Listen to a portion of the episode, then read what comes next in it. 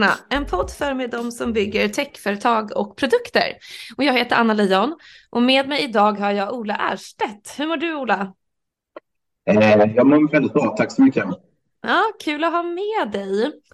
Eh, Ola, du är ju med för att du ligger bakom produkten Connected Skills som är en ny plattform och eh, framtidens lösning för att matcha konsulter och uppdrag som det så fint står på er hemsida.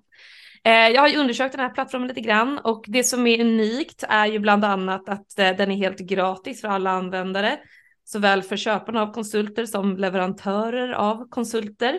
Och ni tar enbart en eh, liksom, mellanhandsavgift vid förmedlingen av eh, uppdrag. Och på, på plattformen kan man hantera både löpande konsultadministration och själva matchningen mellan uppdrag och konsult. Eh, och även om man inte går via er vid själva förmedlingen av uppdraget så kan man liksom ändå hantera den löpande administrationen av konsultleveransen i systemet så man kan liksom importera det. Eh, och ni vill nu att alla konsultbolag och frilansare registrerar sig på plattformen för att få ta del av era uppdrag såklart, eh, när ni har lanserat då. Så är det här en bra sammanfattning eller vill du lägga till någonting eller ändra på någonting som jag har sagt? Nej, men det låter jättebra. Det är en jättefin sammanfattning utifrån eh, hur plattformen fungerar.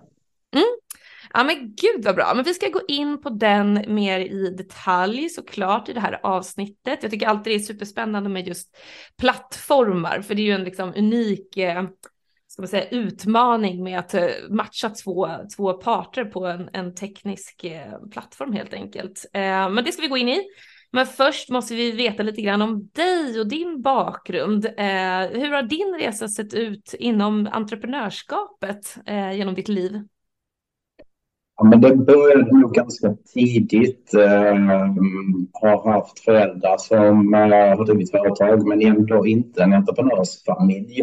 Eh, skulle jag inte vilja säga, men däremot drivit företag och affärer och sådär. Eh, min pappa hade en, en antikaffär i Malmö eh, och drev den under många år.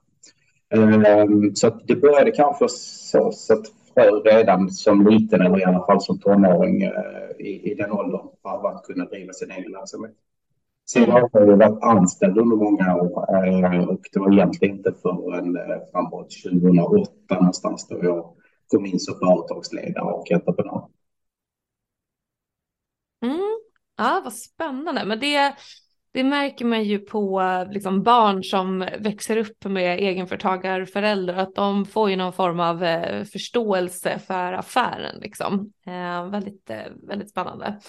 Ehm, men du sa 2008 där, var, var klev du in då, då eh, som företagsledare? Mm. Ja, eh, skulle säga att det hela föddes i en tanke runt 2003-2004. Jag minns det väldigt väl. Det var, eh, jag satt och eh, tittade ut genom ett fönster eh, där jag bodde och kom egentligen, formade egentligen en tanke då om att det hade ju varit häftigt att kunna driva ett företag med eh, en fem, tio anställda. Och då började formas en tanke om hur skulle man kunna nå det? Vad är det jag behöver för kunskap och erfarenheter? Jag liksom får plattform för mig som person för att kunna eh, realisera den tanken? Och sen dröjde det då fram till 2008 när jag valde att lämna en anställning i ett större företag, E.ON, eh, och hade jobbat väldigt internationellt i en gigantisk organisation eh, när jag valde att lämna för att bli regionschef på ett företag som då hette Zipper, Z-bolagen. Eh, och det var ett konsultbolag med mycket Microsoft-fokus. Eh, jag valde att gå in som regionschef och driva upp den verksamheten i Region Syd helt enkelt. Mm, förlåt, vad gjorde du på E.ON bara? Jag var med från 2000 ungefär och då var strategin på EON att vara fullständigt outsourcad. Eh, och då svängde man det till att bli inhouse istället. Man ändrade alltså så sin strategi. Så under fyra år så jag och några kollegor till anställde upp eh, ungefär 100 personer och det bildades också ett internt IT-bolag som sen eh, skapade IT för verksamheten. Eh, och sen jobbade jag i ungefär fyra, tre, fyra år i ett internationellt projekt för att konsolidera all IT på E.ON till tre stora datacenter i Europa. Jag i Tyskland och jobbade väldigt mycket därifrån. Mm, jag fattar. Så typ så här projektledning eller vad, vad ska man säga? Liksom? Ja, det skulle kunna vara, det är ganska bra beskrivet, programledning. Eh, det var sju, åtta olika strömmar som rapporterade eh, och eh, för att göra just konsolideringen av all användarnära IT som jag var ansvarig för. Ah, jag fattar. Coolt.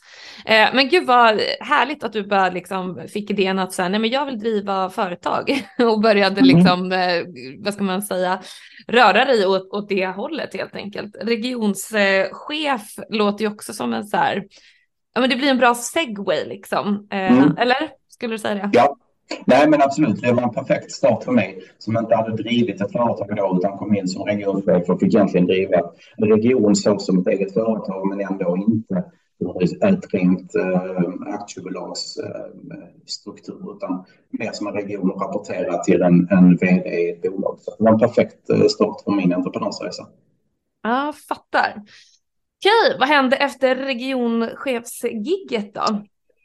Eh, ja, då började jag faktiskt att eh, jobba på ett större konsultbolag. Eh, så då tog jag anställning på Capgemini som eh, eh, ansvarig för deras Infrastructure Transformation Service erbjudande i Stockholm. Så då veckopendlade jag till Stockholm under ett års tid för att bygga upp den verksamheten där ganska liknande, det vill säga konsultverksamhet med eh, en regionsansvarsroll eh, där eh, anställde konsulter, säljare och konsultchefer och till slut också min ersättare då som regionsansvarig i Stockholm. Så då gjorde jag ungefär lite mer än ett år på Capgemini. Ah, fattar. Okej, vad hände, vad hände sen då? Eh, då är vi framme eh, i 2012 och då hade jag en dialog med eh, Norit och fick ett erbjudande, ett väldigt fint erbjudande av att starta upp ett dotterbolag i Norit-koncernen. Det är ett väldigt bolagiserad koncern med ett moderbolag och många, många dotterbolag. Så då fick jag erbjudande om att starta igång ett, ett aktiebolag från, från, från grunden. Eh, och det skedde 2012. Eh, och det växte sen till att även omfatta regionerna Malmö, Stockholm och Göteborg. Där hade jag en regionschef för respektive region och drev det som ett renodlat dotterbolag i koncernen. Eh, framförallt inom infrastruktur och cloudtjänster. Mm, jag fattar. Och det var en konsultorganisation liksom, eller konsultbolag? Det stämmer. Eh, det var en ren konsultorganisation där eh, jag anställde konsulter och paketerade erbjudandet antingen på time and material, det vill säga ren timmar som, som levereras ut till kunderna, eller som åtagande. Eh, och vi växte väl den, den verksamheten växte väl upp till en 50-60 anställda någonstans där. Mm, inom IT liksom? Inom IT framförallt cloud och infrastruktur. 2012 eh, var det väldigt populärt eh, med att göra sin första cloudresa. Det var inte Just det. Så att, eh, det var ett erbjudande som gick ganska mycket hem hos kunderna. Man hade ett stort behov ute i verksamheten på att, att närma sig molntjänsterna helt enkelt. Alla skulle, det var så hett på tapeten då att flytta till cloud. Just det. Ja. Mm, just, just det. det. det kommer vi ihåg. Ja men vad roligt. Mm. Um, men hur, alltså så här, för, för någon som inte vet någonting om konsultbranschen, liksom, det krävs ju så här två ben. Du måste ju, å ena sidan ha mm. talangen och å andra sidan ha uppdraget. Liksom. Så mm. du som eh, har jobbat med det här och liksom, uppenbarligen har stenkoll på, på, på, hur det fungerar och hur man får det här att gå runt, hur de, man får de här att mötas. Liksom. Vad, för, får ni in uppdragen först och hur får ni in uppdragen? Liksom? Cold-callar man stora techbolag som kanske behöver hjälp liksom, eller hur går det till? Jag tror eh, under alla år som jag har jobbat med konsultbranschen eh, och det handlar egentligen om att se kompetensen, kunskapen hos den enskilda individen och se hur kan man omvandla detta till en nytta ute hos en annan verksamhet, en kund då. Eh, och jag tror framgången för min del är att jag har nästan då tio år köpt IT-tjänster och sen nu eh, de senaste 15 åren levererat IT-tjänster. Så för mig har det alltid varit enkelt att kunna bygga eh, en kompetens mot ett behov. Eh, så när jag har träffat mycket kunder så har jag lätt för att förstå var de befinner sig någonstans och inte bara sätta dit en person utan sätta dit en kunskap och en erfarenhet som sen ger värde i verksamheten. Det är nog det som har lyckats. Jag, jag, jag, jag älskar cold call. Det är lite udda kanske att älska det. Jag tycker det är otroligt kul att göra. Men det är väldigt sällan man gör det. Man äh, har nästan alltid en relation äh, redan vid starten utifrån en träff på, på en kund, det vill säga gemensam bekant eller en bransch som man känner till tillsammans eller liknande. Ah, det, är, det är en väldigt liksom, relationsdriven bransch skulle du säga? Absolut. Det är, jag ska säga, framför allt i uppstarten av alla verksamheter så handlar det ju till 95 procent av relation skulle jag säga. Mm. Ja, men vad intressant. Det är som i så här, I don't know, rörmokarbranschen, att liksom man, eh, adressboken är, är värd allting i bolaget i princip, liksom, eller? ja, men absolut. Och i vår bransch så är ju adressboken LinkedIn. Liksom. Det är ju, ja. Det är vår adressbok eh, om man jämför mot, mot den branschen. Så att säga. Ja, det här är superintressant. Alltså konsultbranschen är ju liksom hur stor bransch som helst som har liksom dykt upp. Eh, det, alltså det är ju ändå ganska liksom ny företeelse eller vad man ska säga. Eh, men varför tror du att, eller varför liksom uppstår ett behov av att köpa in en konsult?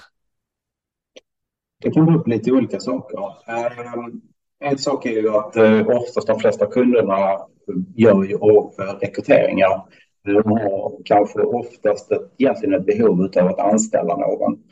Och då finns det lite olika orsaker till att inte man kan få in den kompetensen i verksamheten eh, som anställd. Och det kan ju vara att man eh, inte har det varumärket, så därför så kan man inte attrahera den kompetensen. Eh, är jättesvårt för till exempel en rörmokare att kunna attrahera en cloud-arkitekt för anställning. Det skulle ju inte vara så intressant för en, för en, för en cloud-arkitekt att jobba i en rörmokarfirma. Så därför så kanske det är enklare att plocka in en konsult under en period då.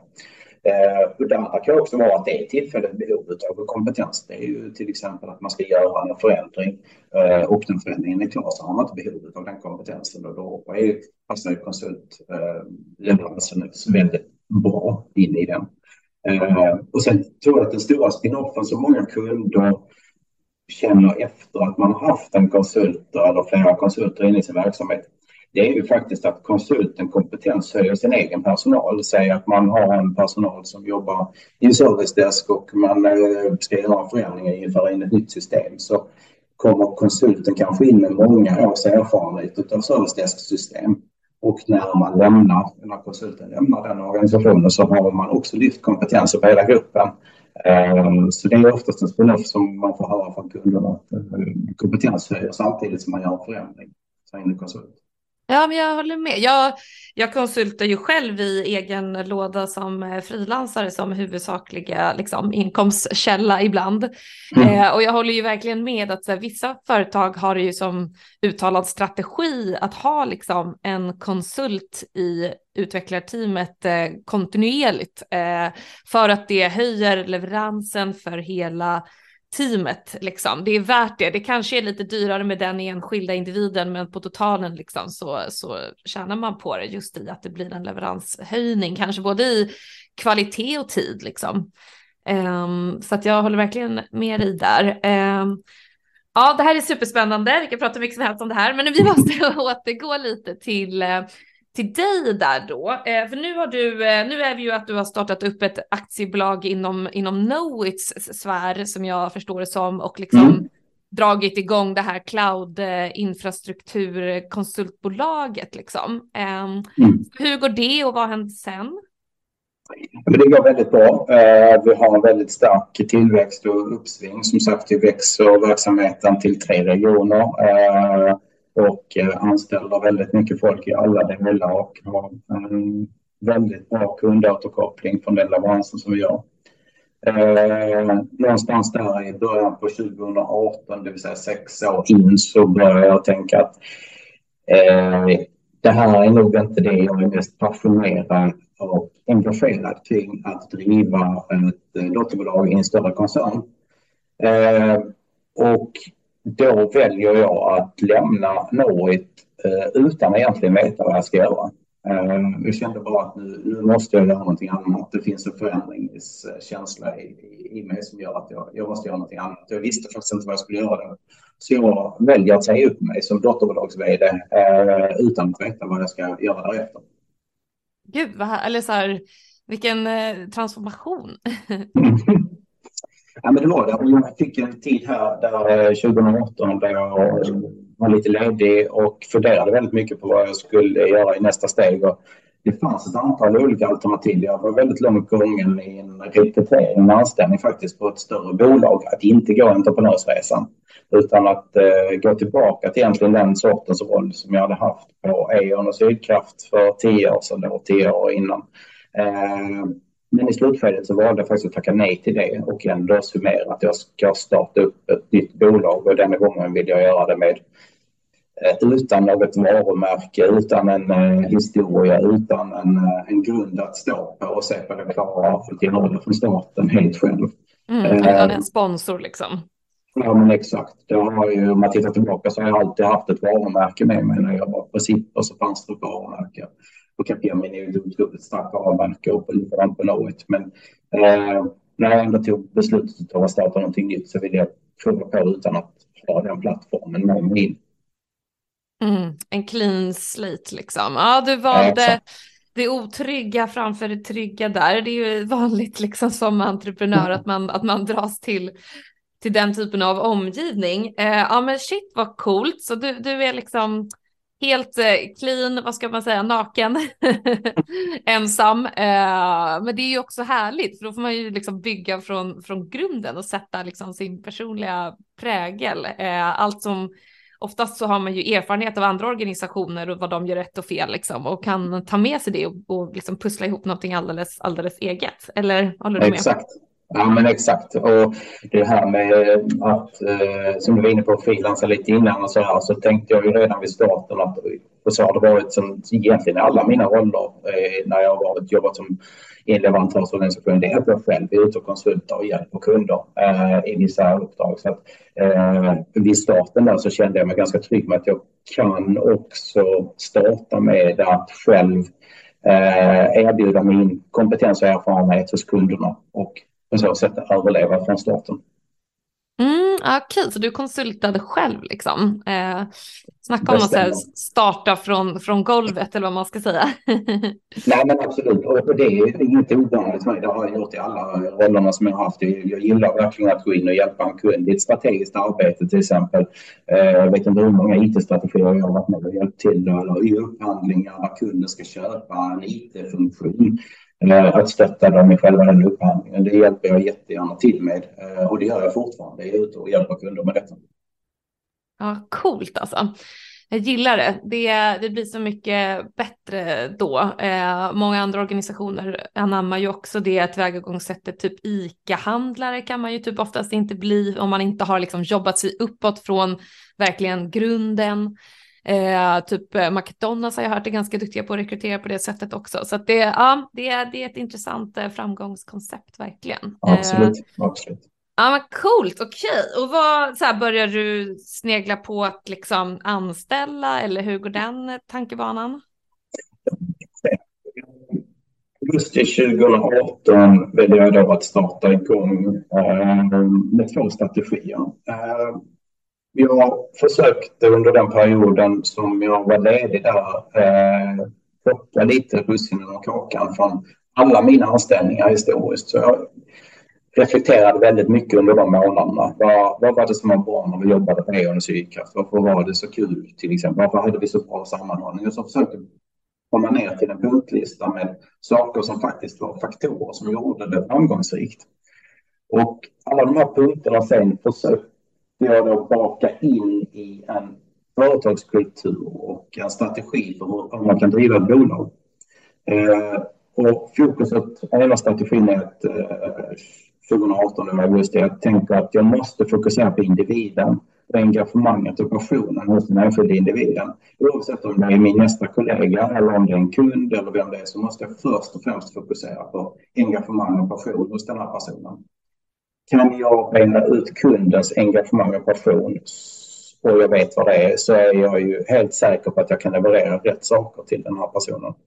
Och likadant med mina framtida kollegor. Om jag vet vad de har för passion och drivkrafter så är det ju för mig väldigt enkelt att se om den passar in i vår verksamhet. Kan jag matcha kundens engagemang mot Eh, den, den anställde konsulten eller konsulttjänstens engagemang så är det en vinst. Det behövs inte vetas vilken, på vilken nivå man kan visa kompetenser. För när engagemanget och passionen stämmer överens så kommer man lösa uppgiften.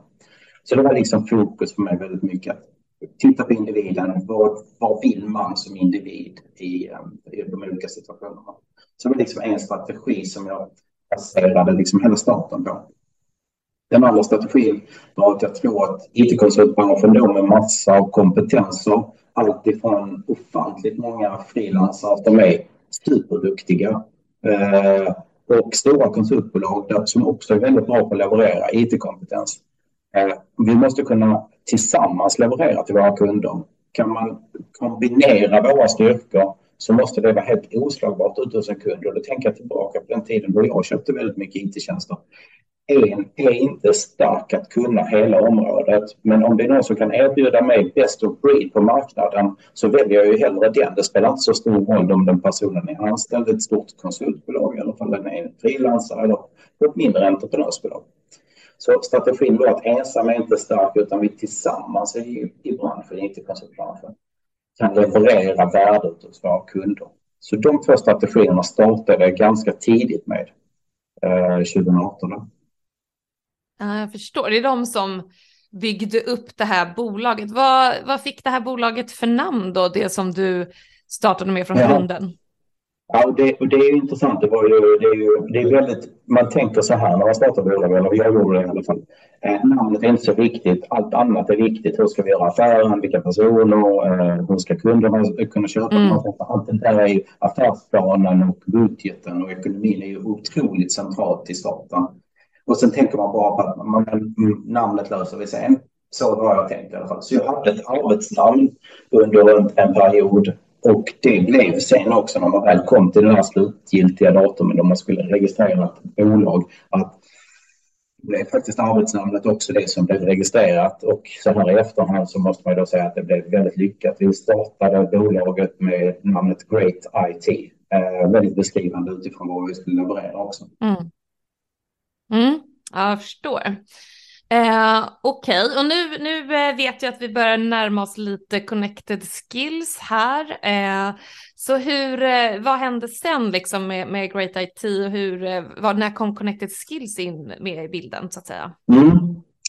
Det där var en process och jag skulle nog säga att det där med connected skills fanns redan i tankarna då utan att man visste att det skulle heta connected skills eller hur det skulle se ut. Men det här just med att kunna eh, matcha eh, ett behov hos en kund från hela massan av leveranskapacitet på marknaden. Det var ju det här med att ensam inte är stark, utan hur ska vi kunna göra det?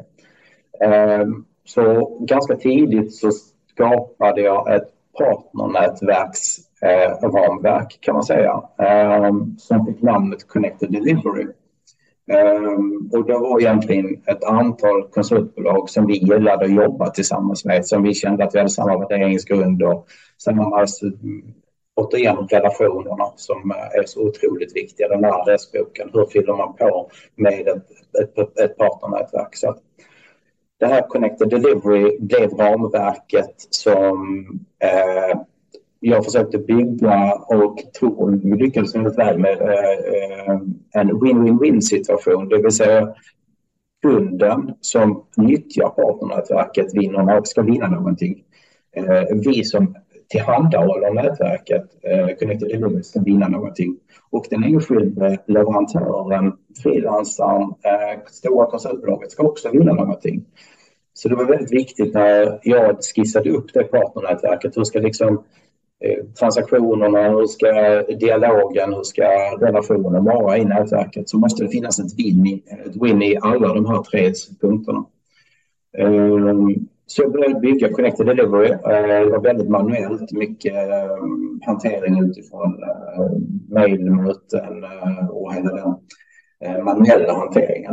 Ehm, sen en bit in, nu är vi kanske ett år in, ett och ett halvt år in i resan på Connected Delivery så börjar ju då formas en, en, en mindmap som jag faktiskt fortfarande har kvar på hur, hur ska man kunna automatisera och strukturera det här nätverket digitalt. Och då föds tanken på eh, plattformen svarstjänst eh, som nu heter Connected Skills. Mm, Okej, okay, jag fattar. Fan vad coolt. Eh, gud, du har verkligen gjort så här, eh, vad ska man säga, eh, skolbokskarriären för liksom, entreprenörer. Du har gjort allting rätt, du har jobbat upp i organisationen, du har fått liksom sen förtroendet att, att bygga, starta ett eget bolag inom ett annat bolag, du hade liksom support bakom dig. Du har liksom alla de här superviktiga erfarenheterna enligt eh, alla konstens regler eh, och sen går du och gör det själv i egen låda. Liksom. Jag tycker det är superspännande. Många som jag har haft med här har ju liksom snarare varit så här att bara men jag, jag har ingen erfarenhet alls, men jag går och startar ett bolag får, får vi liksom försöka se vad som händer typ och försöka liksom leta oss fram till att börja tjäna pengar på något sätt. men du har liksom, du hade så här gedigen erfarenhet, du såg till att du hade liksom ditt på det torra så att säga innan du eh, slängde det ut i den här ovissheten. Det är så himla intressanta olika vägar bara. Eh, därför mm. jag ville kommentera på det. Men så himla coolt. Eh, men du, en snabb fråga. Innan hade du ju fokus lite grann på Microsoft-världen kanske och eh, liksom cloud just. Eh, har du någon annan fokus nu inom Great IT och Connected Skills eller vad skulle du säga att ni var liksom nischade inom? Jag skulle nog säga faktiskt att eh, väldigt tidigt att inte nischa sig varken inom bransch eller kompetens. Utan, eh, och det här låter kanske som att man tar på sig lite för stor eh, kostym från dag ett. Men eh, min tanke var hela tiden att vara one-stop shop. Vi ska vara kundens enda väg in. Vi ska klara alla kompetenser. Vi ska klara alla nivåer på kompetens och erfarenheter. Och också för vårt partnernätverk oavsett om man är den lilla eh, frilansaren som brinner för sitt kompetensområde eller om man är det stora konsultbolaget med 2 500 anställda så ska man kunna hitta sin del i partnernätverket. Så för mig har det varit väldigt från start egentligen väldigt eh, viktigt att, att kunna omfamna alla kompetenser och alla branscher. Jag förstår. Eh, och vill du förklara också för, liksom, för nu låter det lite grann mer som att ni är mer av en mäklare än ett konsultbolag. Tidigare hade du jobbat lite mer på konsultbolag, så vill du förklara mm. vad skillnaden är där? Ja, men skillnaden är för mig egentligen de två olika strategierna. Eh, individfokuset eh, och eh, rekryteringen av konsulter har ju fortsatt väldigt framgångsrikt under vår marknadsplace IT som idag eh, har eh, sex olika affärsområden och är etablerade både i Stockholm och Malmö. Eh, uppåt en hundra, strax över hundra anställda. Eh, jättefin tillväxtresa på de här fyra åren. Ehm, och den strategin lever väldigt mycket kvar och den erfarenheten som finns ifrån konsultvärlden att anamma den i ett partnernätverk, då blir man väldigt mycket i facket mäklare. Ehm, och, det är, jag är lite ambivalent utifrån att kalla sig mäklare eller inte. För det är för mig ett väldigt negativt ord och negativ klang utifrån att man inte bringar något värde som mäklare idag i konsultbranschen. Det är väldigt många kunder som, min erfarenhet i alla fall, är att kunder har återkoppla på att mäklaren inte bringar något värde till deras affär eller deras verksamhet. Likadant för konsultbolagen. Jag, jag tycker det är så galet att inte mäklaren kan bringa ett värde. Så Connected Skills och Connected Delivery har hela tiden haft väldigt högt upp på agendan att vi får inte bli en verksamhet som inte ger ett värde till både den som har kunskapen, det vill säga leverantören, Mm. men också till kunden. Eh, så det har varit viktigt för oss från start och där är vi, redan, där är vi idag också att inte vara den traditionella mäklaren. Men förmedlingen gör vi eh, helt klart mellan eh, konsultleverans till konsultbehov. Mm, ja, jag förstår. Och hur, hur bi, alltså det, den erfarenhet jag har haft av mäklare är ju liksom att de förmedlar uppdrag, hjälper lite med liksom löpande dialog med kunden och så, men inte så mycket mer liksom. Men vad, vad, är, vad, vad gör ni då rent konkret eh, som, eh, som gör att ni sticker ut och inte bara är mäklare? Jag tror det är lite olika strategier. Ehm, jag har alltid trott på att själva matchningen mellan mitt behov och Eh, rätt konsult är inte så mycket manuellt längre. Det är inte så mycket bedömningen utifrån den enskilda personen. Eh, idag kan vi definiera ett konsultbehov på ganska standardiserat sätt. Man vet vilken sorts erfarenhet man behöver, vilka kompetenser man behöver och liknande. Så vi kan definiera liksom min kompetensbrist på ett enkelt sätt. Eh, och då kunderna egentligen kunnat de senaste tio åren. Det är inte så att det är något som har hänt nu de senaste eh, året. Utan man har börjat definiera sig på ett standardiserat sätt. Det ser vi att de flesta förfrågningar och uppdragen som idag kommer ut ser ju väldigt likadana ut. Ehm, och själva kompetens kompetensen, kunskapen eh, som de enskilda konsulterna kan och erfarenheterna, den har ju varit standardiserad i många, många år. Det är ju det vi kallar för CV idag. Alltså det är där vi har standardiserat vår hur vi ska presentera erfarenheter och kompetenser. Och då var min tanke om man har ett standardiserat sätt eh, att beskriva sitt behov och ett standardiserat sätt att för att kunna beskriva vad man kan. Då behövs ju behöver inte en människa, då är till och med kanske människan sämre tekniken på att kunna matcha det här. Eh, för vi väger in en massa andra saker i våra matchningar. Så vi byggde ganska snabbt en matchningsalgoritm som gör att vi kan på ett procentsats säga från det behovet då så, så finns de här tio kandidaterna och de matchar mot en procentsats så här mycket på respektive kandidat. Och då ska man komma ihåg att det är på kompetensnivå. Sen kommer ju nästa steg, det är ju på individnivå och den gör ju människor idag väldigt mycket bättre än tekniken. Och då menar jag att det gör man just idag, men om ett år kanske det också kommer utmanas att kunna utvärdera eh, de, sociala förmågorna så att säga även på ett större sätt. Mm. Ja, men jag förstår verkligen. Um, shit vad coolt. Okej, okay. uh, yes, ni, ni har mäklat uh, och det har gått väldigt framgångsrikt och du har börjat bygga den här uh, eh, plattform, eller liksom inte plattformen än, utan det är mer av ett nätverk vid det här stadiet då. Eh, men så småningom börjar det forma sig lite till, till en plattform och, och, och till och med till en produkt liksom.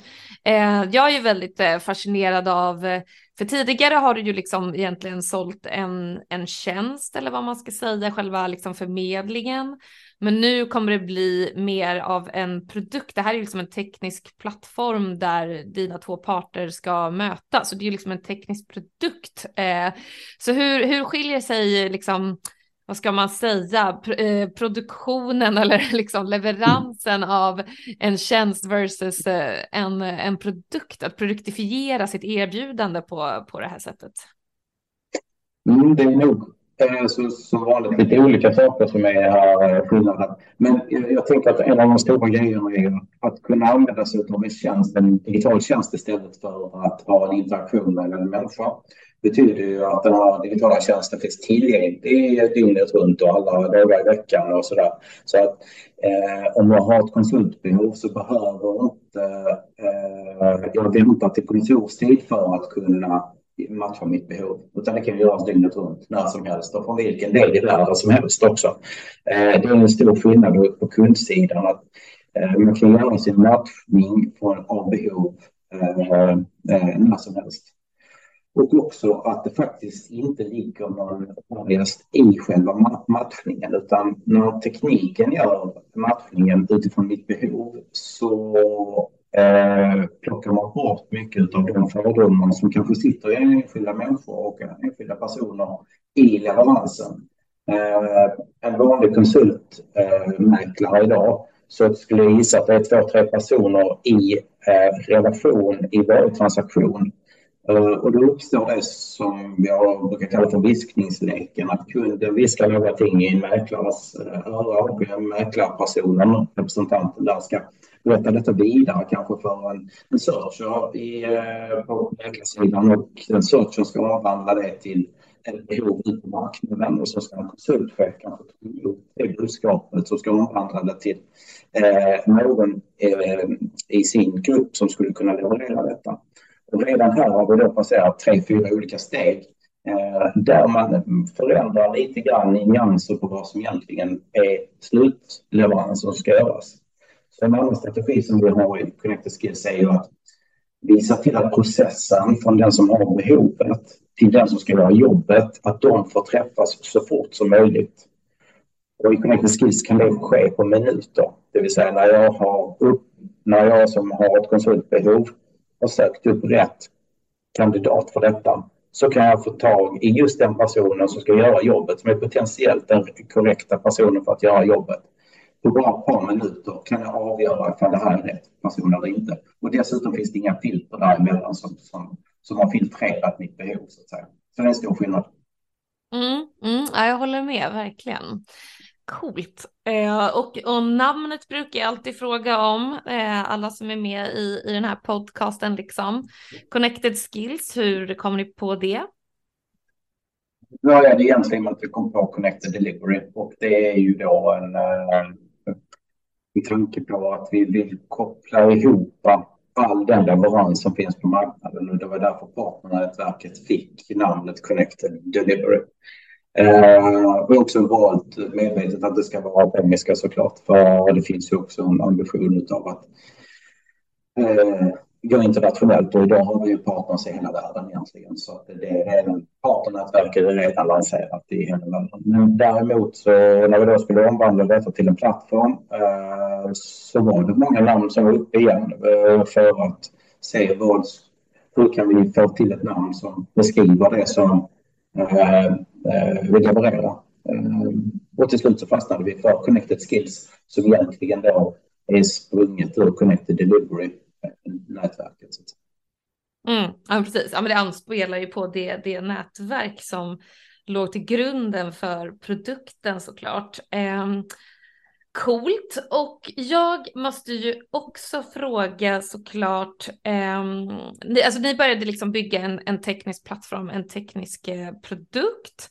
Eh, och eh, sen så, alltså istället för det här lite ma mer manuella liksom, versionen av samma sak som ni hade tidigare.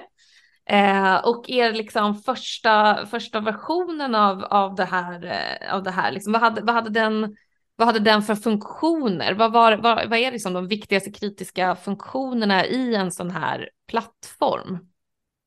Mm, det där är, man har lärt sig otroligt mycket på den resan. Eh, man kan säga att det, det började egentligen med, som jag var inne på innan, att jag gjorde en mindmap på vilka funktioner i plattformen är nyckelfunktionerna och vad kan man se för utvecklingspotential i de olika funktionerna under årets gång. Ehm, och den mindmappen har faktiskt legat till grund till så sent som bara för ett halvår sedan ehm, eh, hur vi har byggt plattformen. Och jag har ingen erfarenhet och kunskap i hur man bygger en sån här plattform. Jag kan inte tekniken, jag kan inte hur man utvecklar, jag kan inte riktigt hur man har aldrig haft den erfarenheten sedan tidigare. Så jag gick väldigt mycket på funktionen och gick till en leverantör och sa det här vill jag bygga, kan vi göra det? Eh, och så fick jag tusen frågor tillbaka och jag försökte i den dialogen förklara min ambition och vision med denna plattformen.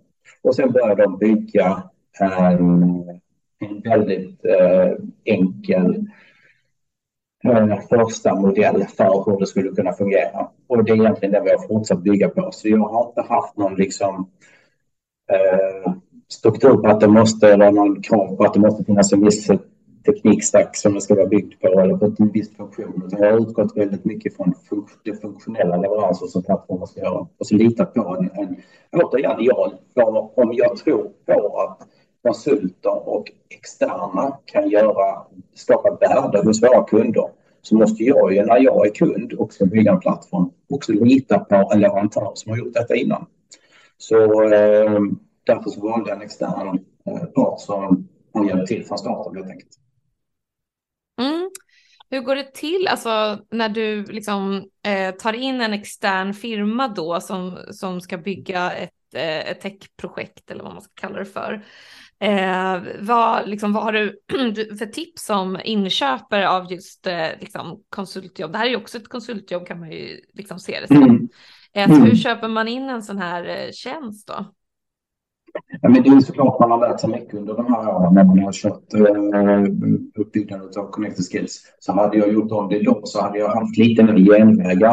Eh, vissa områden, jag skulle säga att när man startar så kom jag med en väldigt övergripande plan och jag kan förstå nu så här i efterhand att det var svårt att förstå min vision. För jag hade inte brutit ner det liksom i, i, i detaljnivå vad det var som skulle levereras.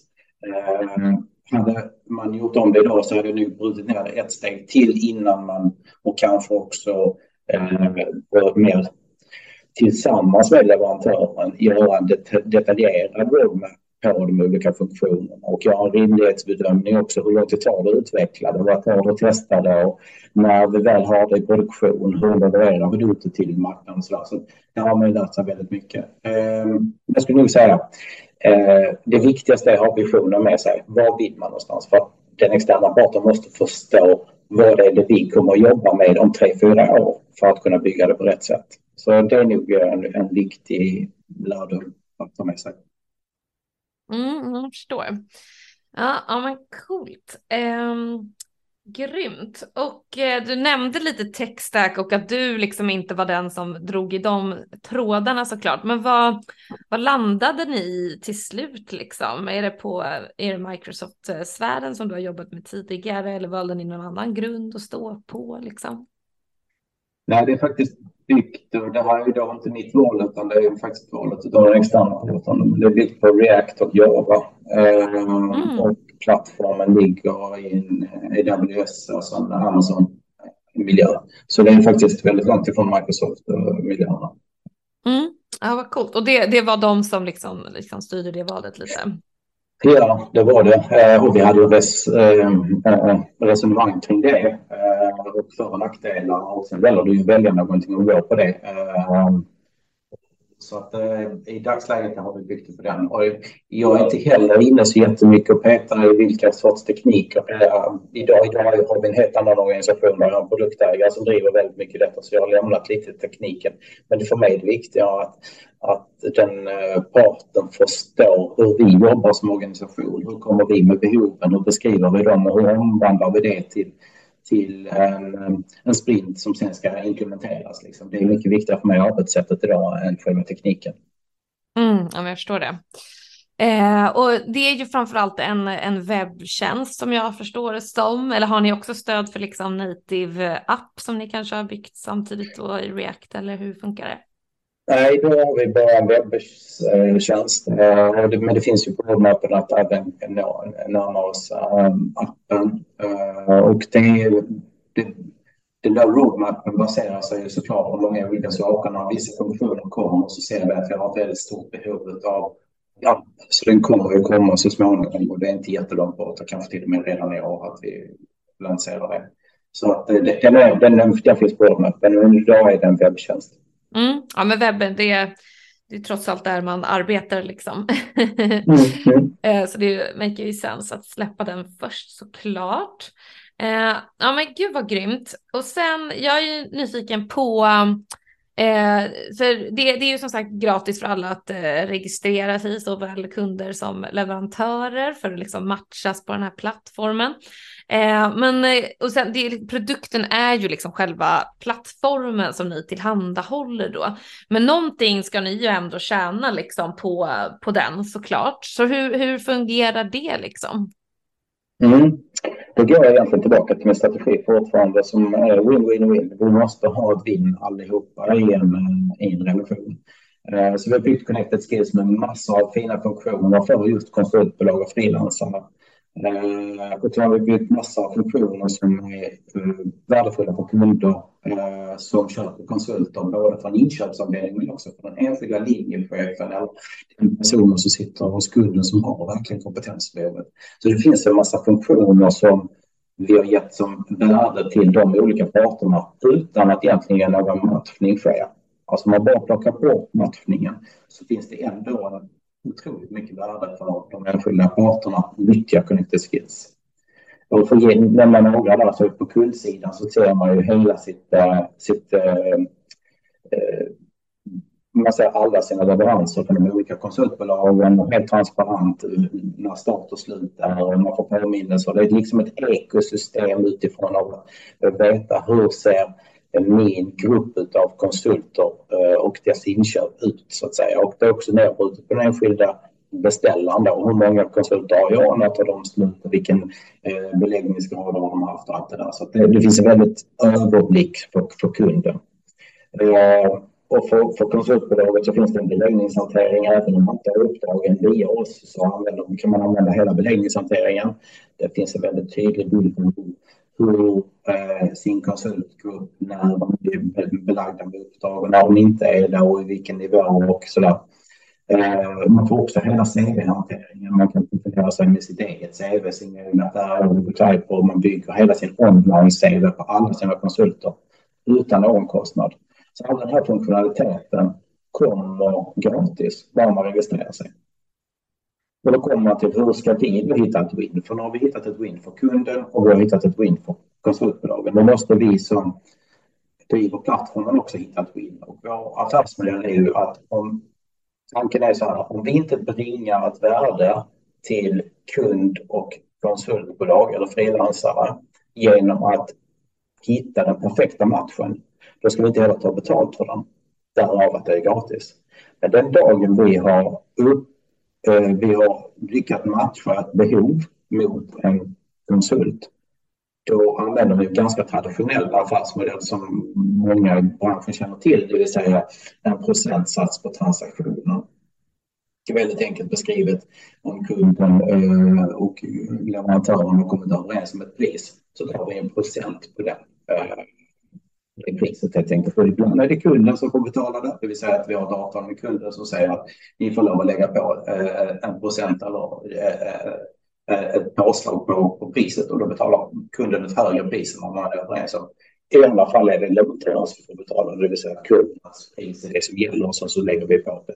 Men det där är väldigt transparent och tydligt för de enskilda parterna redan i starten. Så eh, om man blir matchad så vet man vad är det som gäller för just denna kunden i den här transaktionen. Ja, jag förstår. Eh, ja, men precis. Alla, det ska ju vara win-win-win såklart. Eh, ni måste ju få ut någonting av det här också.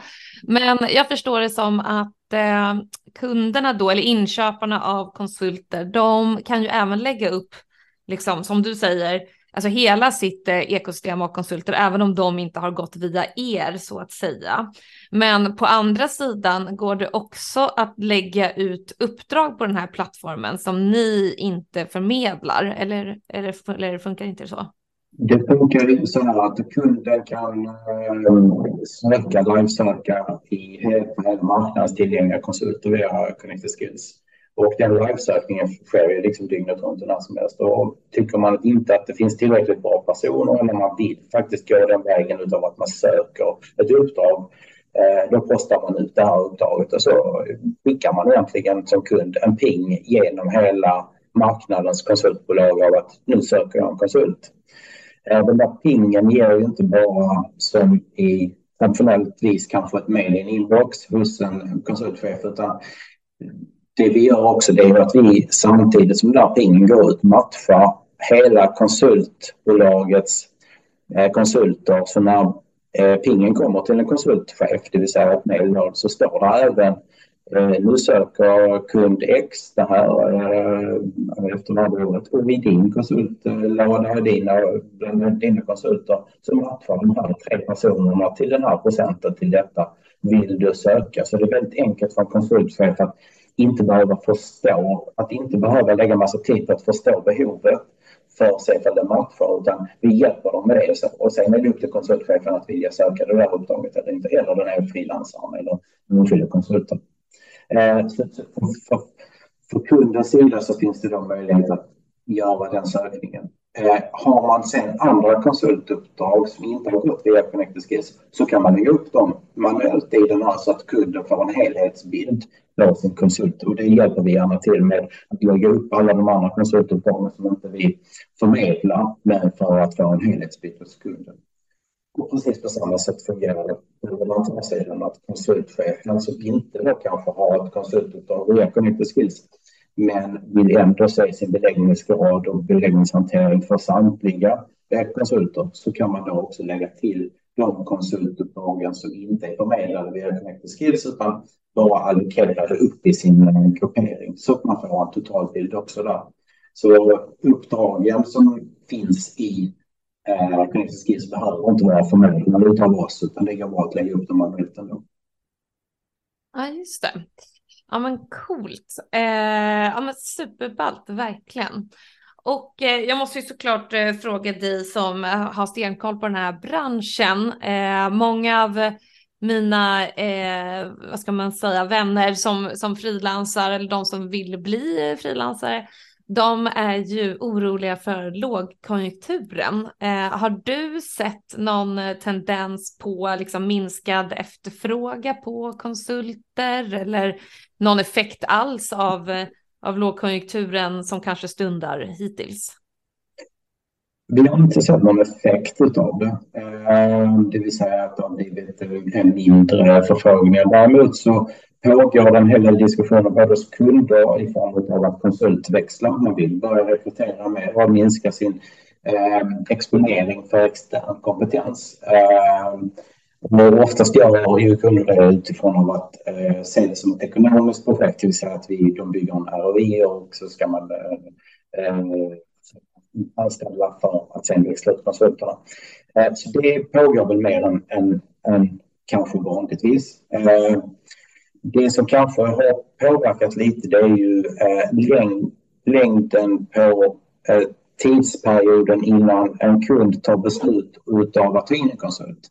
Den tidsperioden kanske har blivit något längre än senaste halvåret än vad det har varit innan. De har varit snabbare till beslut.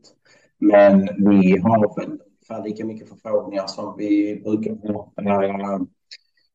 Samtidigt så skulle jag vilja säga att vi fortfarande Eh, i en ofantlig tillväxttakt. Så Därför så är, finns det en ofantligt stor del av marknaden som vi eh, fortfarande eh, växer på.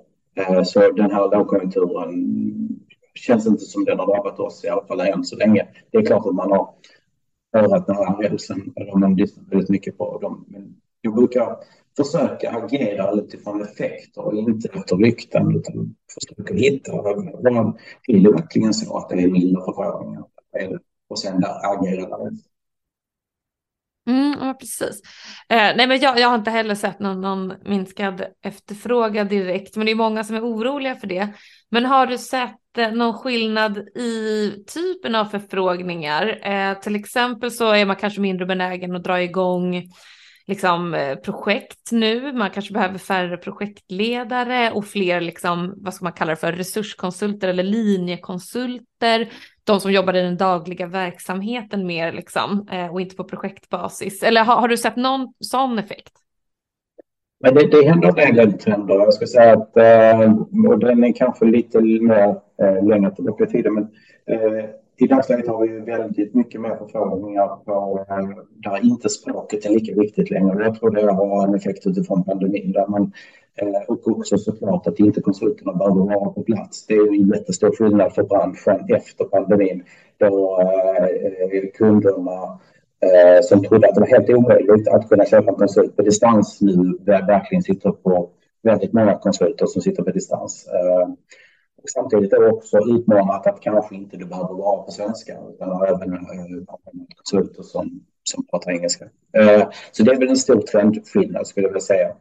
Eh, men det som kanske har hänt under den senaste perioden tycker jag det är att de beställarna i de större organisationerna hos kunderna har skiftat lite ifrån att vara IT delen till att bli verksamhetsdelen. Det vill säga det är en verksamhetsperson som har behov av en IT-kompetens. Eh, snarare än att det är IT-avdelningen som har den. Det har vi flyttat lite och det, där vi sen kanske onboardar, vi tar in beställare i Connected Skills som inte kommer från IT-avdelningen utan som kommer från verksamheten istället.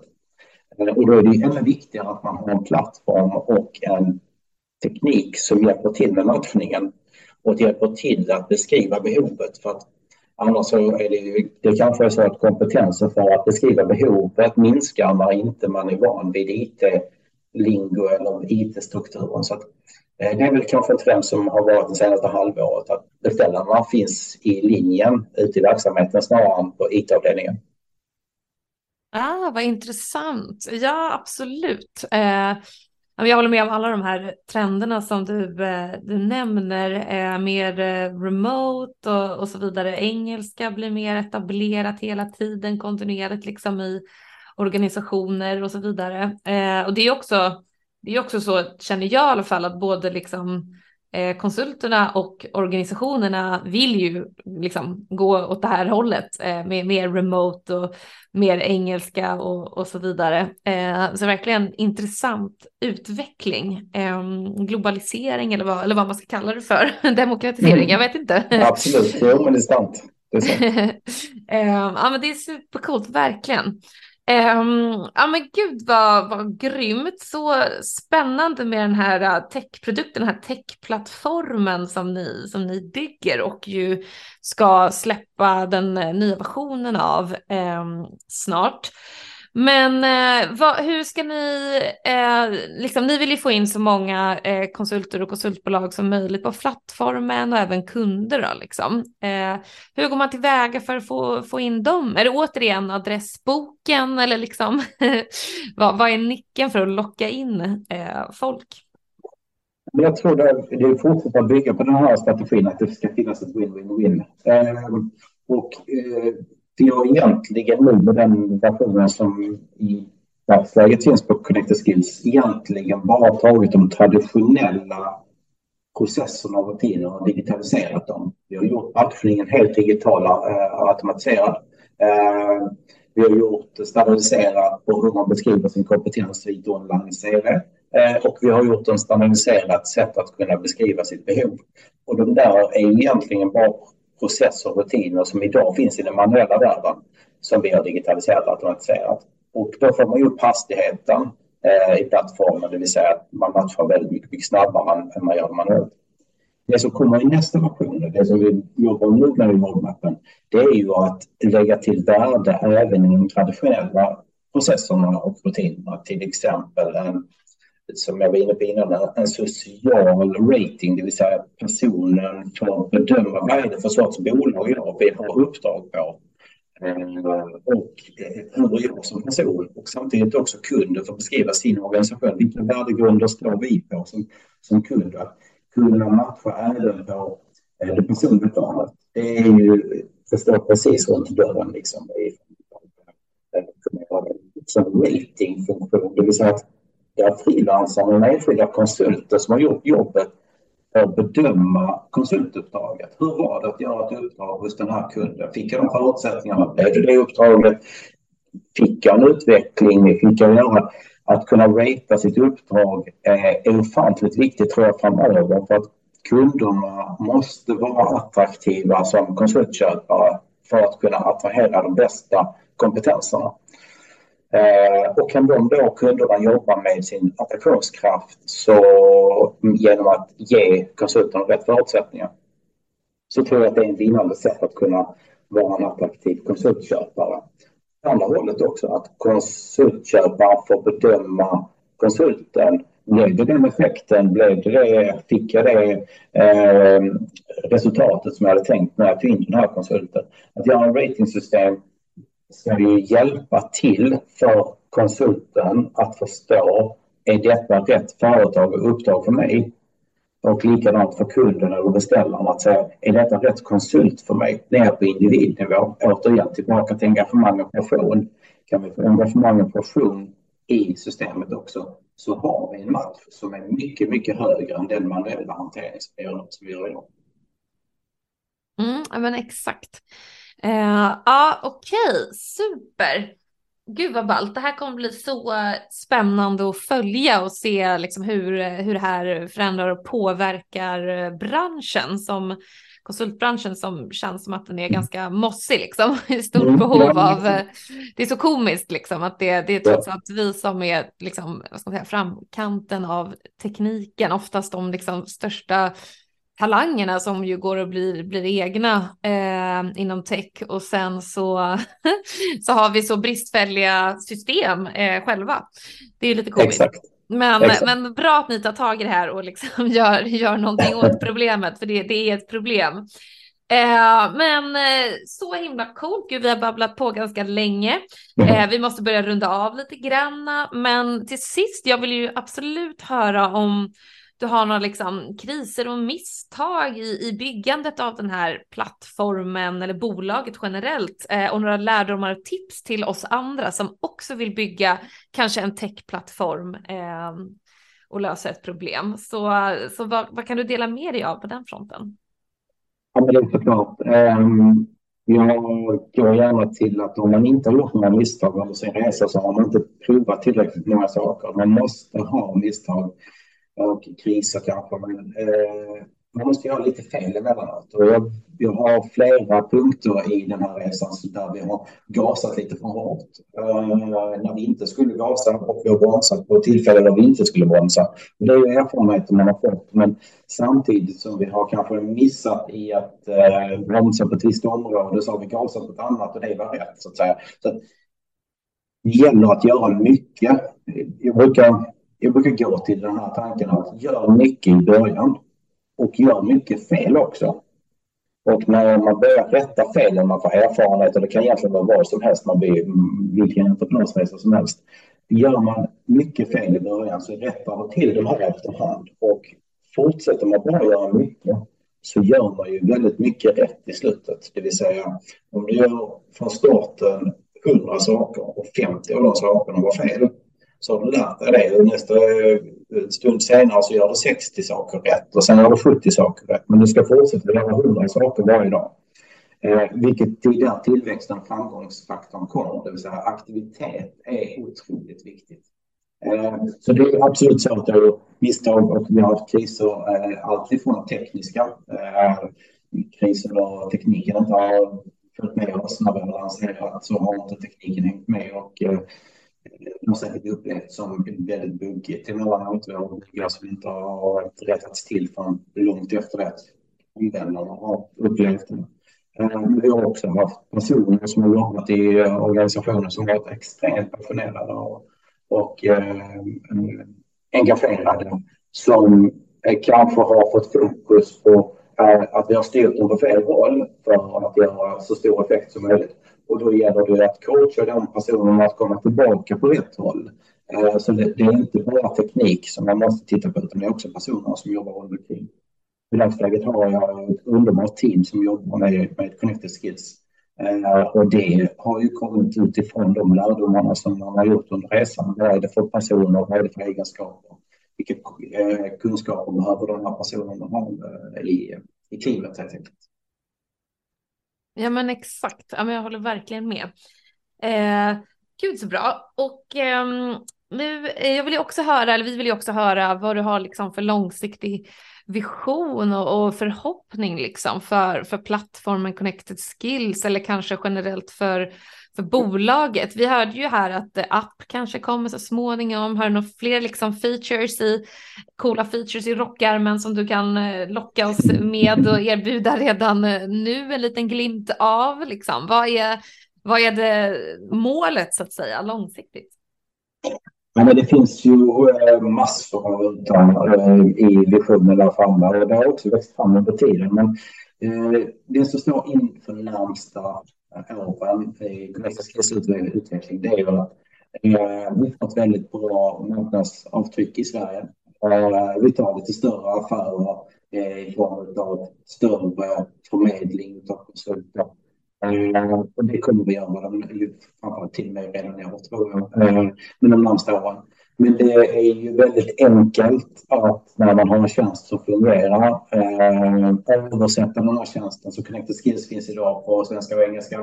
Eh, och därmed så är det väldigt enkelt att översätta den till norska, danska, finska, tyska eh, och franska. Och vilken marknad man vill gå på för själva konsultbehovet ser lite olika ut på vilken marknad man etablerar sig på. Men själva matchningen sker ju på ett ungefär liknande sätt i globalt. Så plattformen i sig eh, skulle mycket väl kunna gå internationellt inom en kort tid. Så det är väl det som står i visionen. Eh, sen är ju Connected Skills eh, Det finns också en syfte med att inte det står IT i Connected Skills. Det står ju inte Connected IT Skills. Eh, just nu kan vi IT-branschen väldigt väl, men att matcha kunskap mot en leverans är ju ganska branschöverskridande. Tittar man på vilken bransch som helst så när man har behovet av en kompetens eller så, så handlar det om två saker. Det handlar om, kan du göra det jag har behovet av? Har du erfarenhet av det? Och är du tillgänglig? Och det är ju precis de sakerna som finns i Connected Skills. Så eh, på, på fem, sex års tid så kanske vi kommer att se Connected Skills utanför IT. Ah, ja, gud ja. Det finns ju, det känns som att liksom IT leder ju vägen eh, och på många sätt liksom, både eh, i liksom ett eh, frilansarperspektiv. Men det smittar ju av sig på andra branscher, typ ja, men ekonomi börjar ju bli väldigt populärt, liksom att frilansa eller konsulta inom och alla kreativa eh, grenar har ju alltid varit eh, ganska populärt liksom och så vidare. Så att eh, man ser ju verkligen, man kan ju frilansa inom, inom allt eh, på lång sikt. Och det har ju liksom IT kanske lätt, lätt vägen för. Eh, så det, det känns ju som en naturlig liksom eh, nästa steg för er och även såklart eh, globaliseringen som vi, som vi pratade om, eller internationaliseringen kanske vi ska säga, eh, lanserat på bred front. Gud vad coolt! Jag, jag är så imponerad, eh, vill testa den här själv och det ska vi såklart uppmana lyssnarna till att göra också. Eh, gå in och registrera din profil på Connected Skills. Är det .se eller?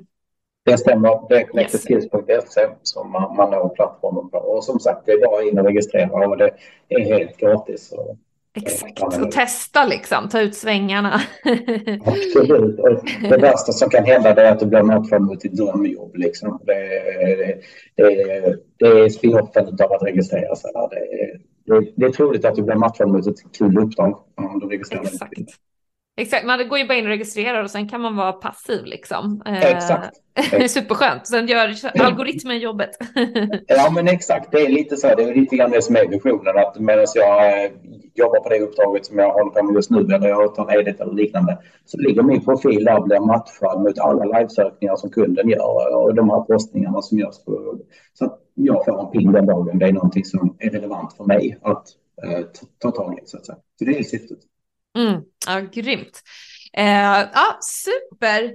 Gud vad spännande. Eh, tack så hemskt mycket för att du har delat med dig och för att jag får höra din story. Så inspirerande för oss andra som också vill bygga liksom, techprodukter och techplattformar och kanske starta och driva egna, egna, egna företag precis som du har gjort. Eh, så otroligt inspirerande. Tack så mycket för det. Eh, sista frågan, vet du någon annan textskapare som tycker att jag borde intervjua härnäst? Ja, men det vet jag nog. Jag har några stycken som jag tycker är eh, häftiga att lyssna på eh, och se upp till. Eh, bland annat så för några år sedan så träffade jag Senna eh, som eh, driver bolag i Bosnien. Ett företag som heter Sendev. Eh, otroligt inspirerande bolagsresa Eh, han och hans kollega har gjort och startat det. Så det, det skulle jag rekommendera att eh, en intervju med honom. En göteborgare som, som har flyttat till Bosnien. Mm. Tack, ja men super. Jag ska spana in det. Okej, super Ola. Eh, är det något mer du vill eh, liksom förmedla till lyssnarna innan vi tackar för oss? Ja, men det är väl att eh, jag är själv otroligt engagerad och passionerad för den här resan och väldigt delaktig i det dagliga arbetet på alla funktionerna.